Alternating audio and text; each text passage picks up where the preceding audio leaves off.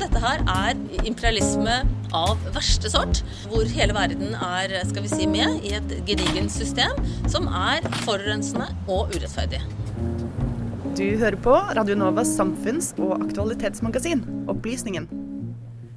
Ok, så nå skal vi snakke litt her i studio. Det er jo alltid kjekt. Eh, og da har jeg bestemt at vi skal snakke om eh, noe som ikke angår oss i dag, siden vi har eh, kveldssending, men kanskje i morgen tidlig. Det her er 5 AM-konseptet. Kan du kort forklare hva det går ut på, Runa? Ja, 5 AM morning girl er vel at du står opp klokka fem for å kunne trene og starte dagen og begynne tidlig på den. Eh, og så har du liksom hele dagen til å gjøre de andre tingene du må gjøre. Eh, men det er rett og slett at du står opp grytidlig, skal trene, skal få unna ting, og så kan du få ned de andre tingene. Ja, så det er liksom i teorien, da, at du skal stå opp tidlig for å få unna de, de tingene som du føler du ikke har tid til i fritiden. Men det fører jo bare til at du da eh, blir søvnig på kvelden, legger deg før og har like mange timer nesten i løpet av et døgn uansett.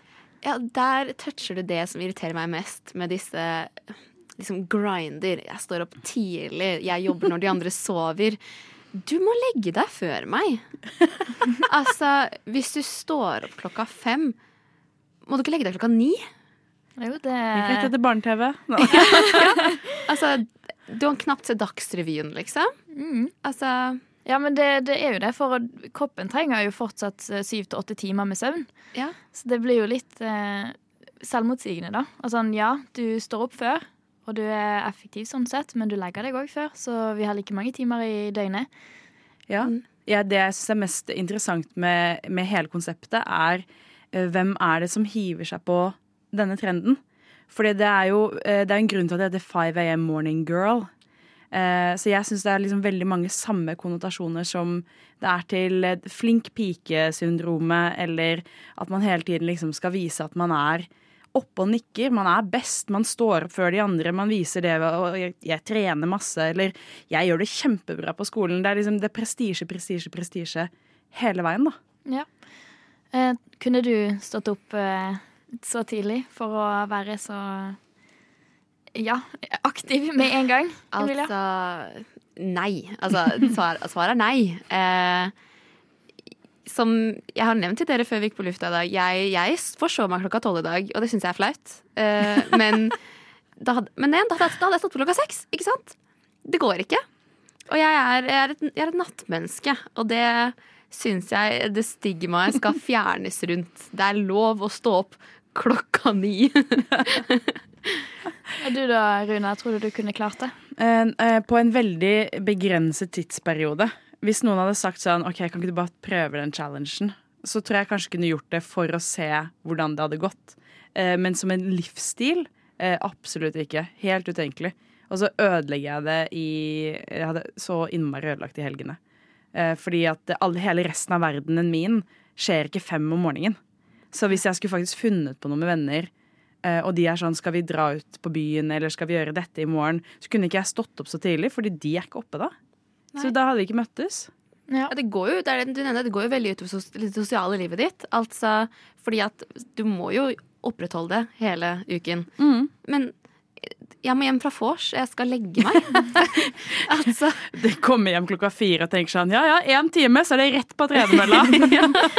Ja, men det, det blir jo litt sånn at man Litt sånn det du nevnte med det flink pike-syndromet. At man skal på en måte ofre alt det som man er glad i, da.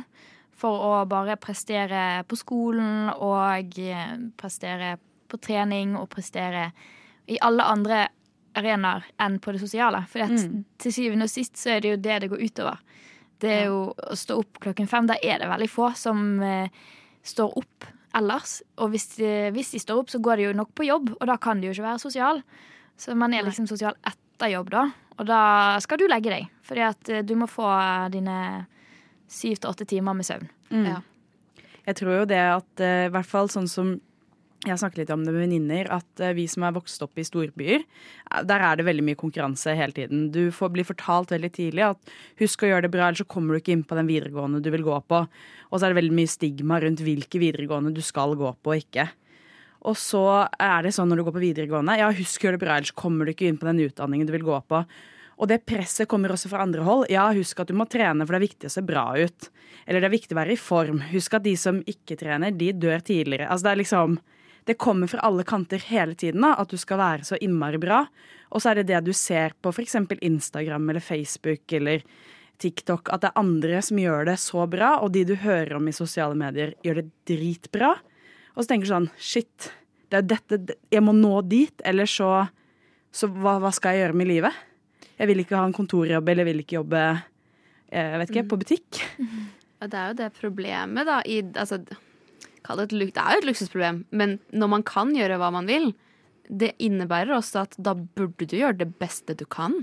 Mm. Du, å gjøre hva man vil innebærer ja, hvorfor skal du ikke da bli lege og bodybuilder samtidig? Liksom. Ja, absolutt. Og så er det jo litt den at ja, det er veldig fint at det funker for noen. Det er jo noen som er veldig glad i å stå opp eh, så tidlig. Jeg er personlig ikke en av de. eh, men det er jo noen det funker for. Men jeg syns det blir så Jeg er litt lei, egentlig, av den eh, kvinner mot kvinner-greien. At eh, de, som, de kvinnene som står opp klokken ni eller klokken ti eller gud forbi klokken tolv, oh, de, eh, de, Å, de er ikke ordentlige kvinner, og de må skjerpe seg og sånn. Fordi at Se på de andre jentene. De klarer det. De klarer å stå opp klokken fem. Det er jo en grunn til at det er sånn, føler jeg. Det er jo det er mangfold som gjør samfunnet, Mm. samfunnet vårt bra. Der tenker jeg at vi, vi kvinner burde stå litt mer sammen, og ikke altså, bygge hverandre opp, da. Nå så jeg nettopp et intervju med ei som hadde vært og samarbeida med Taylor Swift. Og da sa hun sånn Fy fader, utrolig bra dame å samarbeide med. Fordi at hver gang jeg lykkes, så bygger hun meg oppover. Fordi hun er ikke redd for at min suksess skal dra henne ned. For hun vet så godt at betyr ikke noe. Mitt liv er mitt liv, ditt liv er ditt liv. Vi kan begge være suksessfulle. Mm. Absolutt. Det, ja. det, er, det er som du sier, det er, hva er det man sier? Altså, din lykke går ikke utover min. Altså, det er ikke et Mm. kvote i verden. At du er glad, gjør ikke meg mindre glad. At du er pen, gjør ikke meg mer stygg. Nei, Og det, det burde man alle liksom få Det høres så enkelt ut, men vi burde alle få det banka inn i hjernen. Fordi det er jo ikke, et, det er jo ikke en kvote som alle må ta av. Nei, og det tenker jeg vi kunne sagt til eh, en del andre grupper der ute som tror at de mister mange rettigheter hvis andre grupper får dem.